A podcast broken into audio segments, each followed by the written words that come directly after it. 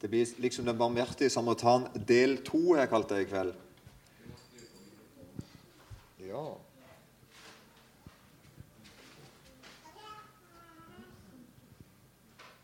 Det er flaut at jeg ikke vet hvordan du gjør det. Kan du det? Ja. Da leser vi teksten i, ifra, som vi leste i går, fra Lukas 10, 25 og utover. Lukas 10.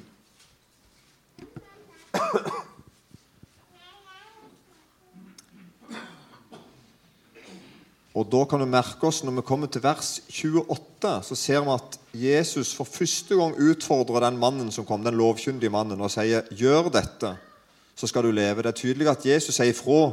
Midt i samtalen så sier han ifra til mannen. 'Du gjør ikke det du sier du gjør.' Er du med? Han, han avslører mannen egentlig og sier 'Ja, gjør det, da. Så skal du leve'. Underforstått han gjør det ikke. Og så ser vi da i fortsettelsen at han, men han ville rettferdiggjøre seg selv og, og spure Jesus. Og Så sier Jesus det enda en gang på slutten av samtalen. Gjør dette, så skal du leve. Så se og se. En lovkyndig sto fram og fristet ham og sa, Mester, hva skal jeg gjøre for å arve evig liv? Han sa til ham, Hva står skrevet i loven? Hvordan leser du? Han svarte og sa, du skal elske Herren din Gud av hele ditt hjerte, av hele din sjel, av all din kraft, av all din forstand og din neste som deg selv. Da sa han til ham, du svarte rett. Gjør dette, så skal du leve. Men han ville rettferdiggjøre seg selv og sa til Jesus, og hvem er min neste? Jesus tok opp dette og sa, en mann gikk fra Jerusalem ned til Jeriko, og han falt blant røvere. De både kledde av ham og slo ham og gikk bort og lot han ligge igjen halvdød. Nå traff det seg slik at en prest dro ned samme veien, og han så mannen og gikk forbi. Likeså kom en levitt til stedet og så ham og gikk forbi. Men en samaritan som var på reise, kom også dit mannen lå. Og da han så ham, fikk han inderlig medynk med ham. Han gikk bort til ham og forbandt sårene hans og helte olje og vin i dem. Og han løftet han opp på sitt eget dyr og førte ham til et herberge og pleiet ham. Neste dag tok han fram to denarer, ga dem til verten og sa:" Plei ham, og hva mer du måtte legge ut, det skal jeg betale deg igjen når jeg kommer tilbake. Og Så spør da Jesus han lovkyndige som kommer og spurer hva han skulle gjøre for å arve liv. Hvem av disse tre synes du nå viste seg som en neste for ham, som falt blant røvere? Han sa, den som viste barmhjertighet mot ham. Da sa Jesus til ham, gå du bort og gjør likeså. Kjære Jesus, vær her fortsatt med din Hellige Ånd.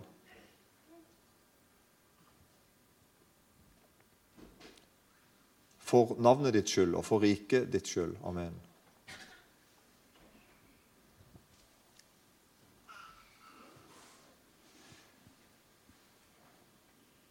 Det er noe sånn dramatisk tror jeg, som skjer uten at jeg vet det helt konkret om akkurat denne mannen. Men i det skiftet her, når, når mannen spør Jesus Han spør Jesus, og han får et svar av Jesus. Og han blir avslørt av Jesus. Han, altså Jesus sier til ham at 'du gjør ikke det du sier at du kan'. Du gjør ikke det. Så han sier til ham 'gå du bort og gjør det'. Det er jo en dom over mannen. Og så blir mannen stående, og han tør å snakke imot Jesus enda en gang. Det, det, er så, det, er så, frekt på en måte. Men dessverre så kjenner vi oss til og med igjen. Vi liksom bøyer oss ikke for Jesus når han stender der, og vi vet han er rett. Og Det er noe alvorlig med den lovkyndige mannen, for dette er ikke en hvem som helst. Han her kan Guds ord. Han kjenner til profetiene. Han vet mer enn noen annen at denne mannen, Jesus, han er Messias. Han har hørt om at han er til og med drevet ut vonde ånder. Han har akkurat, han akkurat helbreda en besatt ung gutt. Han her mannen som står her, han vet at nå snakker jeg med Gud, dypere sett. Jeg snakker med Messias, han som profetiene har snakket om i hundrevis av år skal komme. Og så tør han å snakke imot han allikevel. Kan du tenke deg?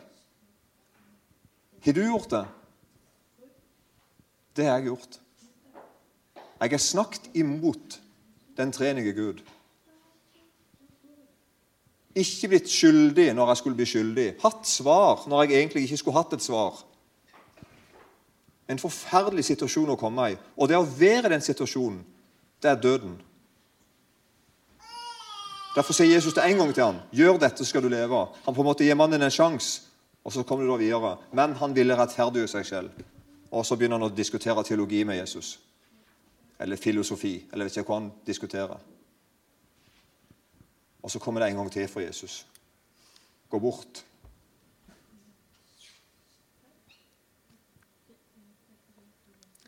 Så bare litt repetisjon, repetisjon ifra i går, bare som har det litt sånn. Dette er ikke en lignelse om at du bør gi litt mer i kollekt eller bli litt snillere eller ha litt dårlig samvittighet for at du burde nok ha tatt deg litt i sammen. Det var dårlig skrevet, men du kan skjønne hva jeg mener. Dette er ikke en lignelse liksom om det at du bør prøve å yte litt mer. Gi en hundrelapp mer. Ta deg litt sammen. Det er ikke en lignelse om det. Det er heller ikke en lignelse som, skal få oss til å diskutere. Det er jo nettopp det det ikke er. Mannen er jo en som står og diskuterer. Han mannen, lovkyndig mannen, han ville på en måte diskutere med Jesus. Og Lignelsen her handler jo om det motsatte. Det er noe her vi ikke skal diskutere. Og det er én vi ikke skal diskutere det med. Det er mer som en beskjed fra Gud. Så vi skal ikke diskutere hva vil det egentlig si å elske seg sjøl. Kan jeg det sånn egentlig? Eller hvem er min neste? Underforstått. Ikke alle er min neste, det er noen utvalgte. Eller hva vil det egentlig si å elske sånn prinsipielt? Eller skjønner du ikke? Det er ikke det denne lignelsen vil. Og det er ikke det Jesus vil, og det er heller ikke det som skjer med denne mannen til slutt. da. Og som sagt, som, går, som jeg sa i går, at På Jesu tid så forsto noen bud om å elske sin neste som seg sjøl. De forsto budet bare med å stille tilbake et spørsmål. Hvem er min neste? Det er egentlig bare å dytte ansvaret ifra seg. På den måten kan vi tilsynelatende tro på Guds ord uten at det får konsekvenser for oss. Er du ikke med på den? Vi avventer liksom nærmere beskjed. Vi liksom, vi liksom spiller i møte med Gud at Gud, ja, jeg hører hva du sier, jeg skal elske nesten min som meg sjøl. Men, men, bare før jeg gjør det, hvem er min neste? Det er det nesten det høres from ut. Ikke sant? Da vi som svever en slags saklig glorie over deg. Du er liksom villig. Det er ikke det det handler om. Det handler bare, bare hvem, Hvis jeg bare visste hvem dette var, jeg skulle elske Hadde jeg bare visst hvem vi skulle elske, så skulle vi sannelig ha gjort det. Litt sånn gir vi inntrykk av. Det er bare det jeg trenger vite, av Jesus. Hvem er min neste? Når jeg vet det, så skal jeg gå hen og elske han sånn som jeg elsker meg sjøl. Det prøver vi å gi et inntrykk av. Eller hadde jeg bare visst hvordan jeg skulle elske han, så skulle jeg selvsagt ha gjort det. Så står jeg liksom igjen der da på en måte, og en from mann som tror på Guds ord. og Jeg trenger bare et par tilleggsopplysninger. Hvem skal jeg elske, og, og hvordan skal jeg elske dem? Når jeg får greie på det, da, Gud, da skal jeg kjenne på. Eller den beste, kanskje, vi bøyer hodet stille ned og sier vi kommer nok aldri til å elske på den måten. Altså Sånn som den barmhjertige samaritan gjør. Og så har jeg skrevet under her at når vi sier det, så går det et sukk igjennom forsamlingen. Ikke et skammens sukk, men et lettelsens sukk. Og lov at jeg skal slippe å elske min neste som meg sjøl. Er dere med på den jeg skriver der? Noen tenker at dette er evangeliet. Takk og lov, Gud, at jeg skal slippe å elske min neste som meg sjøl. Jesus, det har Jesus aldri sagt. Og det kommer aldri Jesus til å si. Aldri.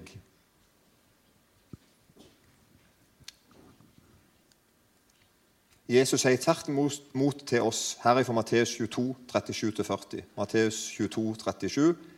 Han sa til ham, 'Du skal elske Herren din Gud av hele ditt hjerte, av hele din sjel, av all din forstand.' Dette er det største og første budet, men et annet er like stort. Du skal elske din neste som deg sjøl. På disse to budene hviler hele loven og profetene.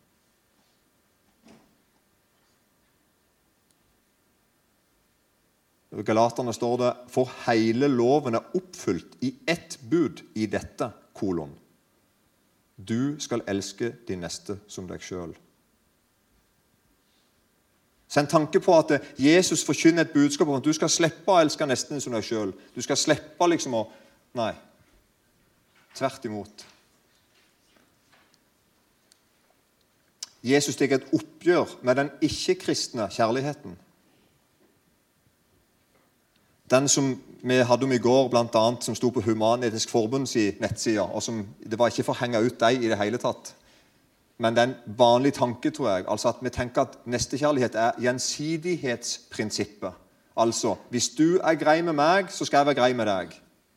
Eller hvis du ikke er slem med meg, så skal jeg ikke være slem med deg. Også sånn underforstått. Men hvis ikke Ikke sant? Det er vi som spiller reglene, da. Jeg er grei med deg hvis du er grei med meg. Det tenker folk er nestekjærlighet. Det er det ikke. Det er en gjensidighet. Det er, en gjensidig, det er et gjensidighetsprinsipp. En slags avtale jeg og deg har. Jesus tar et oppgjør med det og sier at det jeg snakker om, er noe helt annet. Det ligner ikke engang. Se her. Gå til hver den som ber deg, og krev ikke tilbake fra den som tar ifra deg det som er ditt. Og som dere vil at menneskene skal gjøre mot dere, slik skal de gjøre mot dem. Om dere elsker dem som, om dere elsker, dem som elsker dere, hva det er takker takke dere for. Også syndere elsker jo den som elsker dem. Og om dere gjør vel imot dem som gjør vel imot dere, hva er vel det å takke dere for. Også syndere gjør det samme. Og om dere låner ut til dem som dere håper å få igjen, hva er det å takke dere for? Også syndere låner ut til syndere for å få likt igjen. Men elsk deres fiender. Gjør vel og lån bort uten å vente noe igjen. Da skal deres lønn bli stor, og dere skal være den høyestes barn. For han er god mot de utakknemlige og onde. Vær barmhjertige, liksom også deres far er barmhjertig. Det er noe helt annet enn å være grei mot deg som er greie mot deg. Og så kommer det opp på Hvem på en måte har helterollen i denne historien om den barmhjertige samaritanen? Jo, nemlig en barmhjertig samaritan. Og hvis Vi skulle, vi hadde litt om om hvem samaritanen var. at det var en, det var en, en Samaritaner var noe du hadde mange hundre år med tenkning rundt. At det vil vi ikke ha noen ting med å gjøre. Av mange grunner. Av religiøse grunner, politiske grunner og jeg skulle til å si biologiske grunner. Mange grunner til å holde seg vekk ifra dem. Jeg vet ikke hvem vi ville ha satt inn i stedet for for å forstått det, litt, litt sånn intuitivt forstått hva Jesus forteller. Kanskje vi ville ha sagt den barmhjertige muslim? Eller den barmhjertige ateist? Eller den barmhjertige katolikk. Jeg vet ikke hva dere syns er verst. Her i Namsos. Men det er noe uhørt noe. Det er én som ikke passer inn i historien, som plutselig er helten i historien. liksom. Som er den som kommer og, og, og, og er altså den, den, gode. Det er, noe, det er noe urovekkende. noe sånn helt, Hva er dette for noe? Av alle folk som kom og hjelpte mannen, så var det altså en samaritan. Det kunne ha vært hvor som helst annet, bare ikke det.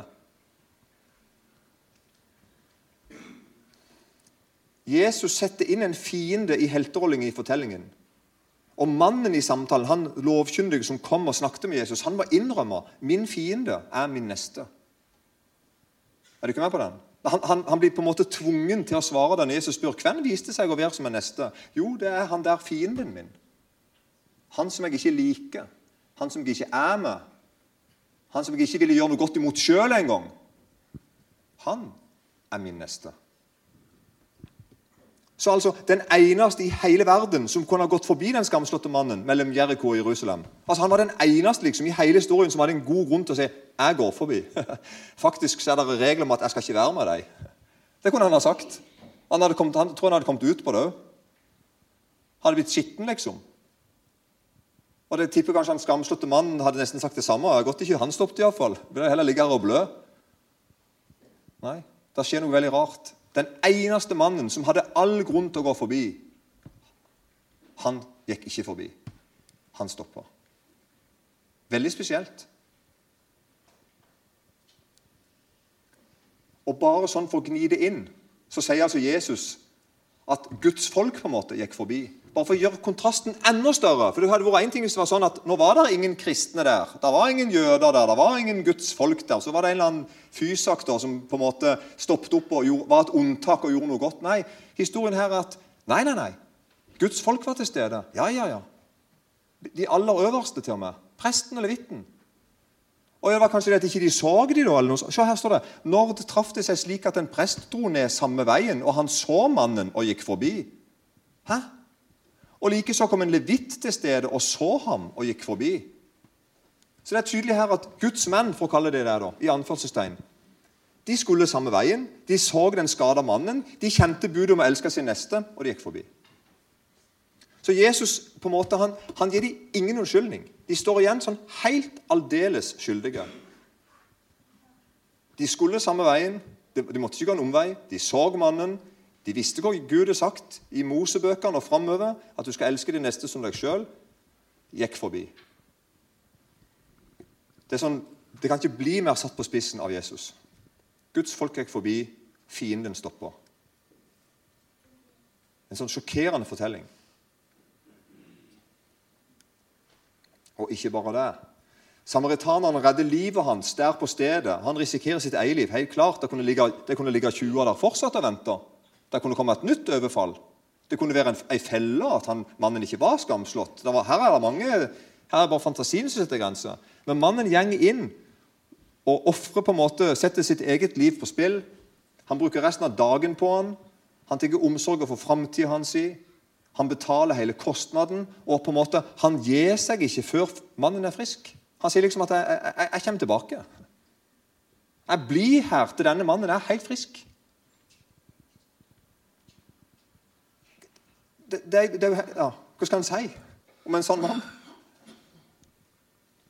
Og Samtidig gjør da Jesus noe spektakulært. Nå på sant side her eh,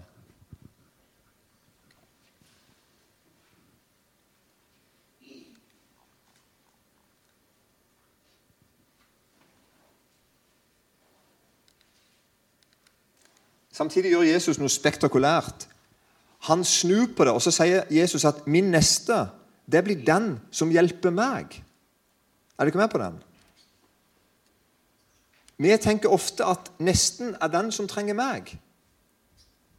Ofte når vi snakker om min neste, så er det han, er det han svake der som trenger min hjelp. Der jeg på en måte er den sterke eller den utøvende makten, og så er du min neste da, som trenger meg. Men her snur Jesus det helt opp ned, og så sier han at nesten din er den som Altså, vi tenker at min neste er den som trenger meg, men det vidunderlige er at det òg er motsatt. Min neste er den jeg trenger. Er du ikke med på den? Det er, en, det, er bare, det er ikke bare sånn at jeg skal elske deg. Du skal elske meg. Det er helt fantastisk. Vi skylder å elske hverandre.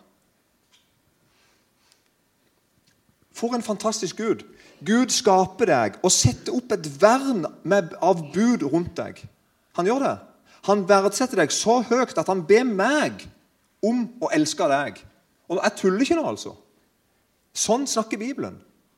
Du, Gud skaper deg, han vil deg, han ønsker deg, han setter deg til verden. Og så sier han alle de andre rundt deg skal elske deg. Fantastisk. Og på den måten blir livet ukrenkelig ifra Guds side. Han setter vern rundt deg, han setter bud rundt deg. Og han forlanger noe av de folkene rundt deg, av meg og de andre rundt deg. Du er ikke en hvem som helst. Du er skapt av Gud, kjent av Gud, elsket av Gud. Satt inn i et miljø der Gud sier til de rundt deg Elsk han, elsk hun, sånn som du elsker deg sjøl. Ikke bare med prat og gode tanker og greier og julekort. Nei, på ordentlig, praktisk. Send gjerne, julekort òg. Det var ikke Jeg hørte den det ble litt feil. Send julekort. Gjerne to. Vi skjønner ikke den. Og dette vernet gir han til, til, hele, til, altså til mennesket. Og Her bare skrevet noen ting. Bare sånn for, dette betyr at dette vernet gjelder rundt et foster. Det gjelder ungdommer og barn og gamle og sterke og svake og fattige og rike og mann og dame og konge og kjeltring og sjuk og frisk. Skjønner du ikke? Uten unntak. Sånn tenker Gud. Han er så annerledes enn alle andre jeg kjenner. Enn alle andre jeg kjenner, inkludert meg sjøl. Han er annerledes. Han som er den eneste som kunne ha gått rett forbi oss, som har rett til å gjøre det. Fantastisk. Takk, kjære Jesus, at du er sånn. Akkurat nå, i Nederland Det her la seg i Dagen for et par dager siden, avisen Dagen. Det var en reportasje om noe som heter om, Jeg har skrevet om Jesus.net, men jeg tror faktisk det heter omgud.net. når jeg tenker meg om. Det er en nettside som Indremisjonsforbundet i Norge drifter, og som er en verdensomfattende nettside som ønsker å evangelisere. Og De hadde intervju med den, den verdenssjefen. Han er en nederlender som heter Jakob Wies. Og så var han på besøk i Norge og besøkte den han, det Kjetil Fylling han heter, tror jeg, han norske lederen. Og så var det intervjua i dagen. Og så svar, sier, han, sier han Jakob Wies at i dag i Nederland så er det i snitt 2000 mennesker som googler setningen 'Jeg vil dø'. Er du ikke med på det? Sånn er det blitt. Og særlig i Nederland, som har hatt en veldig sånn fæl politikk i forhold til aktiv dødshjelp og Ja. Og så er det gjort noe med samfunnet. Jeg skal elske min neste som meg sjøl. Dette er en av tingene. Vi sier ofte at det er ikke så mye nød i Norge, sier vi, dermed så mer nød i andre land. Men det er faktisk veldig mye nød i Norge, òg på akkurat dette området. Folk er alene. Veldig alene. Folk har det håpløst, opplever de det som. Folk har det vanskelig. Folk er stygge med hverandre. Det skulle ikke ha vært det. Og i den Midt inni dette kommer Jesus og sier til oss som vi hører Han til Dere skal elske meg, og dere skal elske hverandre som dere elsker dere sjøl. Merkelig, men veldig godt. Så altså, du her inne, du som hører på, du har en fiende som elsker deg. Fader, Sønn og Hellig Ånd. En som Gud som du aldri helt ut stoler på. Aldri helt ut klarer å elske. Aldri helt ut er trofast imot. Og som du ikke elsker av hele hjertet ditt og hele forstanden din og har all din kraft. Men han elsker deg. Fienden din, på en måte. Han som er den eneste som har all grunn til å bare gå rett forbi deg han stopper. Det står utrolig godt i min bibel i 88-oversettelsen i Johannes 1 vers 10 og 11. Det står litt forskjellig oversett. Jeg liker veldig godt det er sånn rar norsk. Det står Jesus, det her er om Jesus da han kom til verden. Så står det han var i verden, og verden er blitt til ved ham. Og verden kjente ham ikke. Han kom til sitt eget, og hans egne tok ikke imot ham. Det er en veldig rar setning hvorfor det ikke står 'men hans egne tok ikke imot ham'. I noen oversettelser gjør det det. da. Og det er jo et 'men' òg, da, så jeg, ikke, jeg, er ikke språkekspert. Men jeg liker veldig godt setningen 'Han kom til sitt eget, og hans egne tok ikke imot ham'. Altså, Hva det betyr? Jesus visste det. Jesus kom til, til sine egne, meg og deg. Og så visste han de kommer ikke til å ta imot meg. Men jeg kommer for deg. Dere med på den? De ser på setningen, Han kom til sine egne, men de tok ikke imot ham, nesten så han ble overraska. Jesus ble ikke overraska. Han visste alt om deg før han døde for deg. Han visste alt om deg før han kom til jord for å bli frelseren din. Han kom til sine egne, og hans egne tok ikke imot ham. Merkelig. Men han gjorde det for deg. Sånn er Jesus. Og så er det mannen i teksten Forresten, har jeg skrevet her, Hvem er egentlig hovedpersonen i fortellingen i Lukas 10? Altså den, det vi kaller for den barmhjertige samaritan. Hvem er egentlig hovedpersonen? Og jeg kunne kanskje, Hadde jeg lest fortellingen, så kunne jeg fristet til å tenkt Hvis jeg for jobbet i VG eller Dagbladet, så hadde jeg kanskje skrevet 'Mannen som ble rana', eller 'Mannen som ble skamslått', eller 'Mannen som mistet alt', eller 'Mannen som ble redda av en fiende'. eller hvis, Er det ikke med på Hvem er hovedpersonen i fortellingen? På en måte så er det jo han mannen, da. Det er jo han det handler, er han om. Det er han som, er han han hjulpen. Det er han som er skamslått. Det er han fortellingen begynner med. Ikke sant? Men fortellingen heter 'Den marmerte samaritan'. Hele historien handler om ham. Og faktisk er det sånn at hele, Alle de andre som er med i fortellingen, er bare med i fortellingen for å vise den barmhjertige samaritan. Vi blir på en måte som statister med andre i fortellingen. Poenget til Jesus er å fortelle om samaritaneren. Vi andre er bare med i fortellingen på en måte for å peke på én person, eller rettere sagt på gjerningene til én person. Det han gjør for den skamslåtte. Eller enda mer presist Det er snakk om kjærligheten til den barmhjertige samtalen.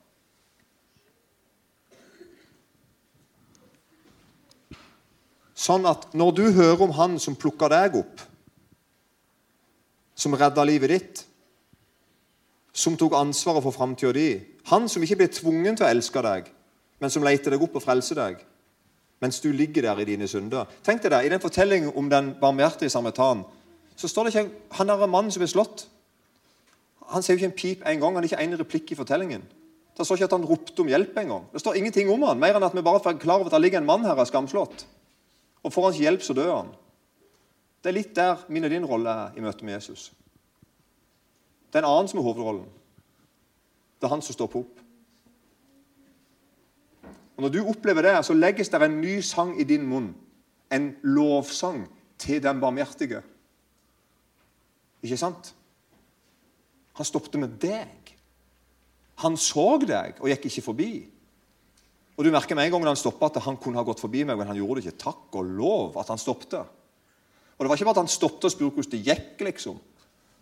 Han bare tok ansvar for deg der og da. Redda livet ditt der og da. Og det var ikke bare at han redda livet ditt der og da, og så ringte han etter en eller annen fyr. Nei, han tok deg opp på eselet sitt. eller, skjønner du ikke? Han tok ansvar for deg den dagen. Han tok ansvar for deg den natta, neste dag. Og han sier til meg nå at jeg skal ta ansvar for deg helt hjem. For en kjærlighet.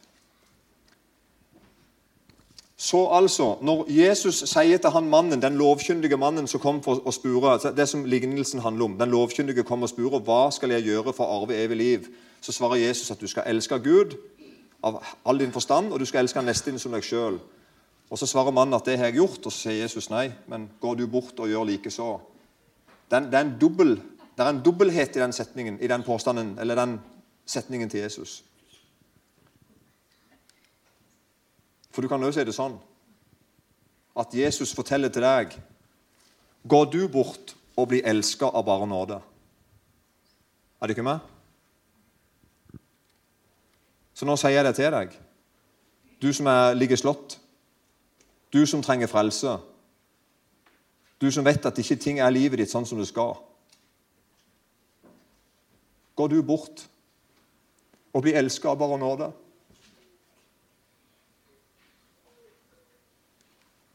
Går du bort og blir funnet i din ulykke?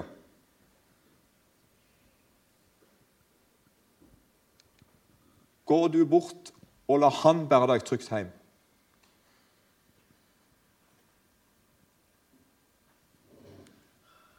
Går du bort og lar han ta omsorg for deg?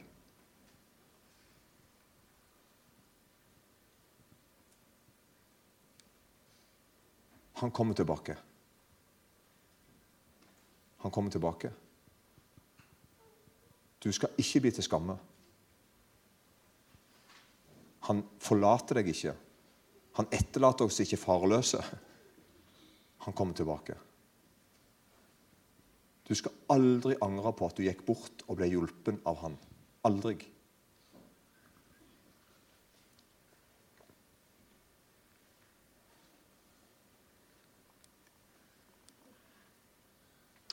Det er de som har blitt møtt av Guds kjærlighet, og bare disse, som kan elske sin neste som seg sjøl.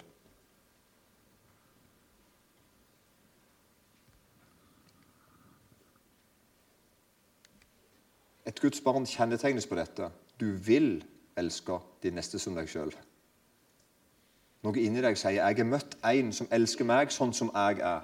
Jeg har møtt en som elsker meg ufortjent som gir meg sjanse etter sjanse etter sjanse, som er tålmodig med meg, forstandig med meg, som bryr seg om meg på ordentlig, som ser meg, som stopper med meg, som, som bruker tid på meg. Og derfor, og egentlig bare derfor, vil jeg gjøre det i møte med deg.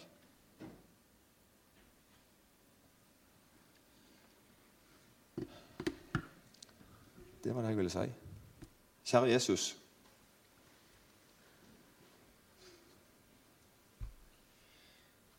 Du stopper med oss. Takk skal du ha. Du ser oss. Takk skal du ha. Du frelser oss. Du tar deg av oss.